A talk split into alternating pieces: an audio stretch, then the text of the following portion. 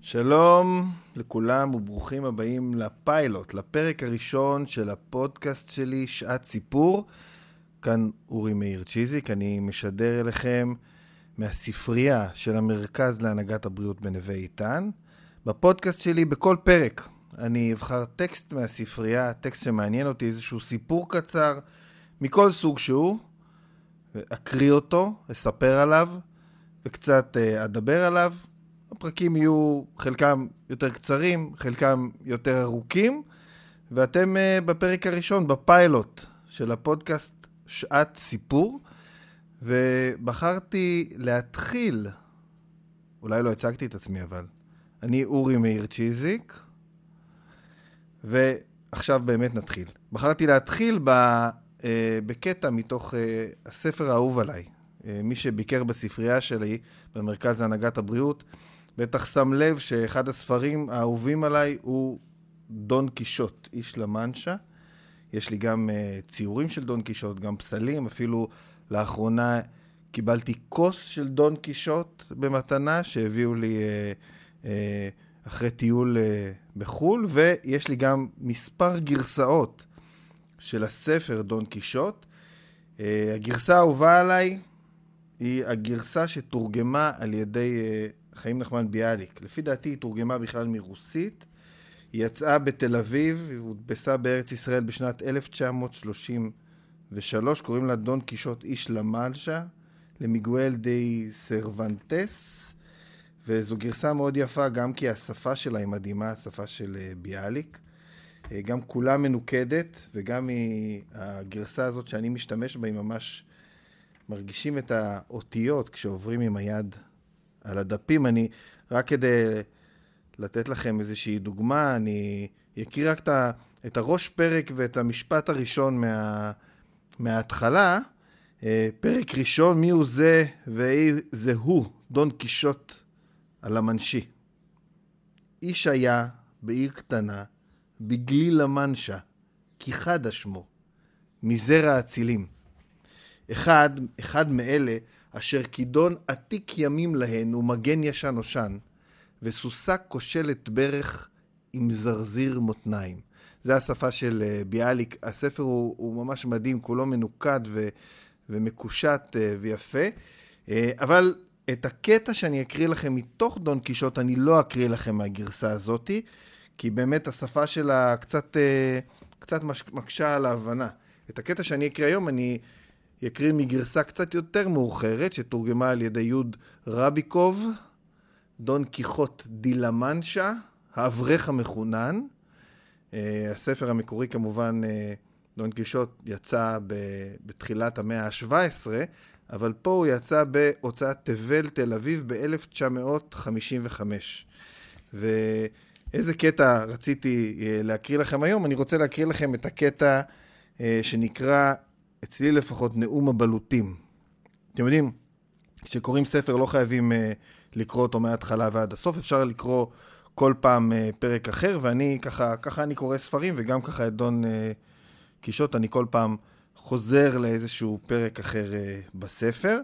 ואחד הפרקים האהובים עליי, שאני גם אקריא לסטודנטים שלי, הוא uh, המפגש של דון קישוט וסנצ'ו פנצה, העוזר שלו, עם... Uh, עם רועי העיזים, שם דון קישוט נותן את נאום הבלוטים. אני מקריא את זה לסטודנטים שלי כשאני מלמד את המהפכה החקלאית. המהפכה החקלאית, אחד השלבים המעניינים ביותר בהיסטוריה והאבולוציה של התזונה. תמיד כשאנחנו מגיעים למהפכה החקלאית, אנחנו שואלים את עצמנו, אה, האם המהפכה החקלאית הייתה טובה לנו, אם היא לא הייתה טובה לנו, מה המשמעות שלה עבורנו ומה אנחנו יכולים אה, ללמוד ממנה. אה, ואני תמיד, אה, בסוף, אחרי שכבר הסקנו את המסקנות שלנו ולמדנו, אני תמיד אני אומר שיש, שאנחנו לא הראשונים שעסקנו בשאלה הזאת, עסקו בה הרבה לפנינו. אני נותן כמה דוגמאות, ואחת הדוגמאות שאני נותן זה באמת הקטע הזה אה, מדון קישוט. אני, אני אספר עליו טיפה, אני אקריא אותו, ואז אני אגיד איך זה מתקשר בעיניי לעיסוק שלנו במהפכה החקלאית. אני אגיד שזה המפגש של דון קישוט עם אה, רועי העיזים, בו בעצם זה הפרק השלישי, מה מתרחש בין דון קיחוט ורועי העיזים. בעצם אה, דון קישוט וסנצ'ו פנצ'ה במסעות שלהם פוגשים קבוצה של רועי עיזים ומצטרפים אליהם. רועי העיזים אה, מקבלים אותם בסבר פנים יפות וישר משתפים אותם, הופכים אותם לשותפים באוכל שלהם, ואז הם נותנים להם לאכול בשר ועוד כל מיני דברים טובים, וכולם יושבים וסועדים את ליבם בנחת.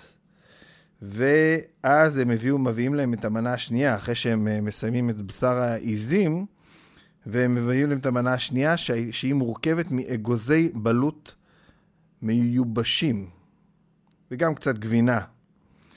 אה, ואז בעצם אחרי שדון קישוט אוכל קצת מאגוזי הבלוט ושותה קצת מהיין, הנה פה אני, אני אתחיל אה, להקריא לכם, ואתה, לאחר שדון קיחוט שבר את רעבונו, הוא נטל מלוא הכף אגוזי בלוט, ולאחר שהתבונן בהם במבט מלא רצינות, הוא נשא דברו ואמר, אה, מה טובים היו הדורות ההם כשאבותינו הראשונים קראו להם בשם תור הזהב, ולא משום שערכו של הזהב הוא רב בתקופתנו זו, תקופת הברזל, ושבימים ההם אפשר היה לרכוש אותו במחיר מועט, אלא משום שהמילים הגורליות שלי ושלך היו הבחנות בלתי ידועות לאנשי הזמנים המאושרים ההם. משום שכל הקניינים היו משותפים לכל, לכל בתקופה קדושה זו. אני אחזור על זה, משום שכל הקניינים היו משותפים לכל בתקופה הקדושה ההיא. בני האדם היו נדרשים להבטחת קיומם, אך להרים את ידיהם וליטול מן העלון החסון, אשר פשט את זרועותיו והתחנן שיבואו לאסוף את פריו הטעים והמבריא. מעיינות זקים ופלגי כסף ושפע רב של מותרות היו חופשיים לכל, במימיהם הטהורים והמרעננים. באילנות חלולים ובנקיקי הסלעים הקימו הדבורים העמלות והחרוצות את עדותיהן הזהירות, כדי שבני האדם יוכלו לאסוף ברינה ובנוחיות את הפרי המתוק והמזין של עמלן. אצא שם אמיצים בעלי גזעים גבוהים ורמים, מרצונם הטוב, היו נותנים לפצול קליפתם הרחבה והקלה, ללא כל אמנות מיוחדת, מלבד אשר בחרות טבעית ופשוטה, אשר ממנה עשו את הגגות לאותן בקתות צנועות, שהיו נשענות על קורות שהותקנו בצורה הפשוטה ביותר, ושימשו מחסה מפני מזג האוויר ומגרעותיו. הכל היה אז אחדות, הכל חיו בשלום, באהבה וידידות בעולם כולו. הברזל החד של המחרשה המעוקמת עדיין לא הפך אזי את בטן האדמה עמנו הצנועה, משום שהעניקה הכל באדיבות ללא כל סחיטה ואונס. מכל צד של חיקו הפורה והנרחב, את כל אשר היה ביכולתה להעניק ולהשביע רצון ולקיים ולפנק את בניה החסכניים. היו אזי ימים טובים, כאשר העלמה היפה והתמימה הרואה את צונה הייתה הולכת ומרקדת על כל גבעה ועל כל עמק, ושערותיה הנחמדות, פעמים שהיו כלואות ופעמים שהיו פזורות לכל רוח, ושלא הייתה לבושה בכל שמלה אחרת מלבד אשר בזו שהייתה דרושה כדי לכסות בצניעות את אשר הצניעות מחייבת לשמור במסתרים. הארגמן מארץ צור והמבשי המבריק ועשיר הגוונים אשר עובד בעינויים רבים והוצבע בכל מיני צבעים שערכו הוא כה רב וכה יקר הנה הוא בימינו אנו עוד טרם נודע בארץ לאותם פשטות תמימה של הדורות ההם ואף על פי כן בהיותן עטורות בעלים ופרחים רעננים עלו הנשים ביופיין על כל הגברות המתהדרות בלבושן של דורנו אנו הלבושות בהריגים נהדרים ביותר, והתכשיטים היקרים ביותר, שהבטלה המותרת, שהבטלה והמותרות מביאות חודשים לבקרים ומגרות על ידם את יצר היהירות. האוהבים הביעו את רחשי ליבם בשפה ברורה ובכנות, בדברים היוצאים מן הלב, באותה פשטות ונאמנות, ללא חיפוש ולהיטות אחר ביטויים ומשפטים מלאכותיים המחלישים את הרושם שבדעתם לעשות. התרמית, העורמה והרשע עוד טרם חדרו לעולמו של האדם, ועוד טרם הטילו את שלטונם על המין האנושי במקומן של האמת והפשטות. הצדק ללא אפליה כלשהי, לטובתם של אלה המעוותים אותו באופן גורלי כל כך בימינו, היה גם הוא קיים ושליט, ללא כל פנייה מפלגתית. החוק של השרירות עוד טרם השתלט על השופטים, משום שעוד טרם היו קיימים בימים ההם כל שופטים וכל דיינים וכל עניינים העומדים לדיונם. עכשיו הוא ממשיך פה דון קישוט ומספר על האלמות ואיך שהם התקלקלו, אבל זה פחות uh, לענייננו, ואז הוא מסיים את הנאום שלו, ואז המחבר uh, מוסיף את כל הנאום הארוך הזה, שאפשר היה לחסוך אותו, נשא האביר שלנו הודות לאגוזי הבלוט, אשר הזכירו לו ימים מקדם, וגרמו לכך שינאם את נאומו בפני הרועים, אשר שמעו בתשומת לב רבה, אבל הבינו אך מעט, אך מעט, בהיות הנאום לא הותאם לפי מידת עיכולם. בטח גם לעיכולם הפיזי וגם המחשבתי. אה, מה שמדהים אותי בנאום הזה, שהוא עוסק ממש בשאלת המהפכה החקלאית שאנחנו עוסקים בה. בעצם, לנו יש נטייה לחשוב שהמהפכה החקלאית היא זו שהביאה לנו את הביטחון התזונתי, אבל בעצם המהפכה החקלאית היא זו שהביאה את הקיטוב ואת המעמדות. לפני המהפכה החקלאית אנחנו היינו חברה אגליטרית, חברה אה, שוויונית. איך זה קשור לבלוטים? בטח אתם אה, שואלים את עצמכם, אז אני אספר שהבלוטים הם סמל. כי בעצם אה, האלון הוא אחד העצים שלא הצליח האדם לתרבט, אבל עדיין השתמש בו. לדוגמה, את השקד היה קל מאוד לתרבט. אה, לקחו שקד, מצאו שקד שהיה מתוק והצליחו להרבות אותו, וככה יצרו את המטעים של השקדים המתוקים. אבל מעולם לא תרבטו את הבלוט, למרות שאכלו בלוטים, ויש לנו לכך עדויות לאורך כל ההיסטוריה. אנחנו אה, לא יודעים אה, להגיד, אה, עד היום לא ידענו להגיד למה, היום המדע כבר מאפשר, מאפשר לנו, ואנחנו יודעים שיש אה, מספר גנים בתוך האלון שמייצרים את המרירות של הבלוט, ולכן לא היה אפשרות אה, לתרבט אותו, זאת לעומת השקט שבו יש גן אחד שאחראי על המרירות, אבל הבלוט הוא איזשהו סימן לתרבות של הליקוט. כשלפני תחילת החקלאות, כשהיינו לקטים אה, ציידים, היינו חברה אה, שוויונית, ואנחנו רואים את זה ממש בטקסט הזה, אם אני אחזור לאיזה קטע פה מתחילתו של הטקסט, אתם בטח שומעים גם את הדפים שאני מעביר וגם את הציפורים אה, שמסביב. הנה, הוא כותב פה, משום שכל הקניינים היו משותפים לכל. בתקופה הקדושה ההיא. אה, כל בני האדם היו נדרשים להבטחת קיומם, אך להרים את ידיהם וליטון מנהלון החסון, אשר פשט את זרועותיו והתחנן שיבואו לאסוף את פריו הטעים והמבריא, וכך הוא ממשיך. בעצם כשהיינו לקטים ציידים היה שפע של אוכל.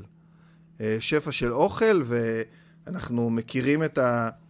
מכירים את ה... מבחינה היסטורית ואבולוציונית. היה קשה מאוד למות ברעב כשהיית צייד לכת. אה, תמיד היה מה לאכול. היו תקופות קשות יותר, היו תקופות טובות יותר, אבל קשה מאוד אה, למות ברעב. הוא ממשיך פה בהמשך, סימנתי עוד קטע. הכל היה אז אחדות, הכל חיו בשלום. אהבה ובידידות בעולם כולו. הברזל החד של המחרשה המעוקמת, זה עוד אה, רפרנס למהפכה החקלאית, עדיין לא הפך אזי את בטן האדמה אימנו הצנועה משום שהיא העניקה הכל באדיבות, ללא כל סחיטה ואונס. הוא מתייחס פה לחקלאות כסחיטה ואונס של האדמה, שזה מאוד מעניין, כי בעצם מאז המהפכה החקלאית אנחנו יותר ויותר מנצלים את האדמה במקום לשתף איתה פעולה. אז uh, משום שהיא העניקה הכל באדיבות, ללא כל סחיטה ואונס מכל צד של חיקה הפורה והנרחב, את כל אשר היה ביכולתה להעניק ולהשביע רצון ולקיים ולפנק את בניה החסכנים. אני רוצה להתעכב על העניין הזה של החסכנים. כשהיינו לקטים ציידים צרכנו רק מה שהיינו צריכים. אחד מהתופעות שהגיעה בעקבות המהפכה החקלאית, בעקבות הכלכלה שנוצרה עקב אגירת המזון, שנקראת כלכלת מחסור, זה שאנחנו כבר לא כאלו חסכניים, אלא אנחנו רוצים יותר ויותר. וכאן הוא ממשיך עם, אה, ת, ת, תגיעו להמשך, התרמית, העורמה והרשע עוד טרם חדרו לעולמו של האדם ועוד טרם הטילו את שלטונן על המין האנושי במקומן של האמת והפשטות. אה, הסתפקנו במועט, וכלכלת המחסור, זאתי שיוצרת מצב שבו לחלק יש יותר ולאחרים יש פחות. לא כמו שהוא מציין פה בהתחלה, שכולם היו שוויוניים. אני חוזר שוב פעם להתחלה, משום שכל הקניינים היו משותפים לכל בתקופה הקדושה ההיא, אז כל עוד הקניינים משותפים לכל וכולם מתחלקים באופן יחסי, באופן, יחסית באופן שווה, אז אה, הכל היה נהדר, ואז כלכלת המחסור היא שהביאה לקיטוב ולמעמדות.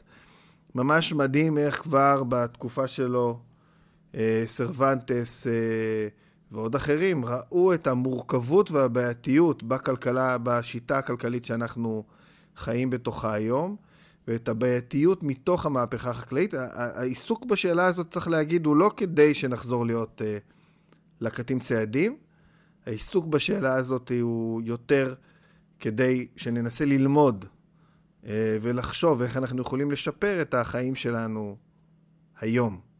אז uh, ככה קשור דון קישוט לבלוטים שהיו מלקטים, ועדיין אתם יכולים לצאת וללקט uh, בסתיו, למרות שלא תרבטו את העלונים. גם אצלנו זה מאוד בולט, כי ארץ ישראל הייתה יער ענק של uh, עלונים. לשוויון מול הקיטוב שיצרה המהפכה החקלאית אל מול הלקטים ציידים. וזה הטקסט הראשון בפודקאסט שלי, שעת סיפור, מהספרייה של המרכז להנהגת הבריאות. אני מקווה שנהניתם מהפיילוט הזה. אני דוקטור אורי מאיר צ'יזיק, ואנחנו ניפגש עם טקסט אחר, שונה, אני מקווה שיעניין אתכם אה, בפרק הבא. ואני ממליץ, תלכו, אני, אני גם אה, אתן את ה... אני אסרוק ככה את הטקסט עצמו, כדי שתוכלו להתעמק בו, מי שרוצה להתעמק, ובכלל, ממליץ מאוד לקרוא את דון קישוט. כל גרסה שתמצאו, כל גרסה היא קצת שונה ויש בה הפתעות אחרות. אבל הספר הזה זה ספר שתמיד אפשר לחזור אליו וכל פעם ללמוד ולגלות uh, משהו חדש. להתראות לכם.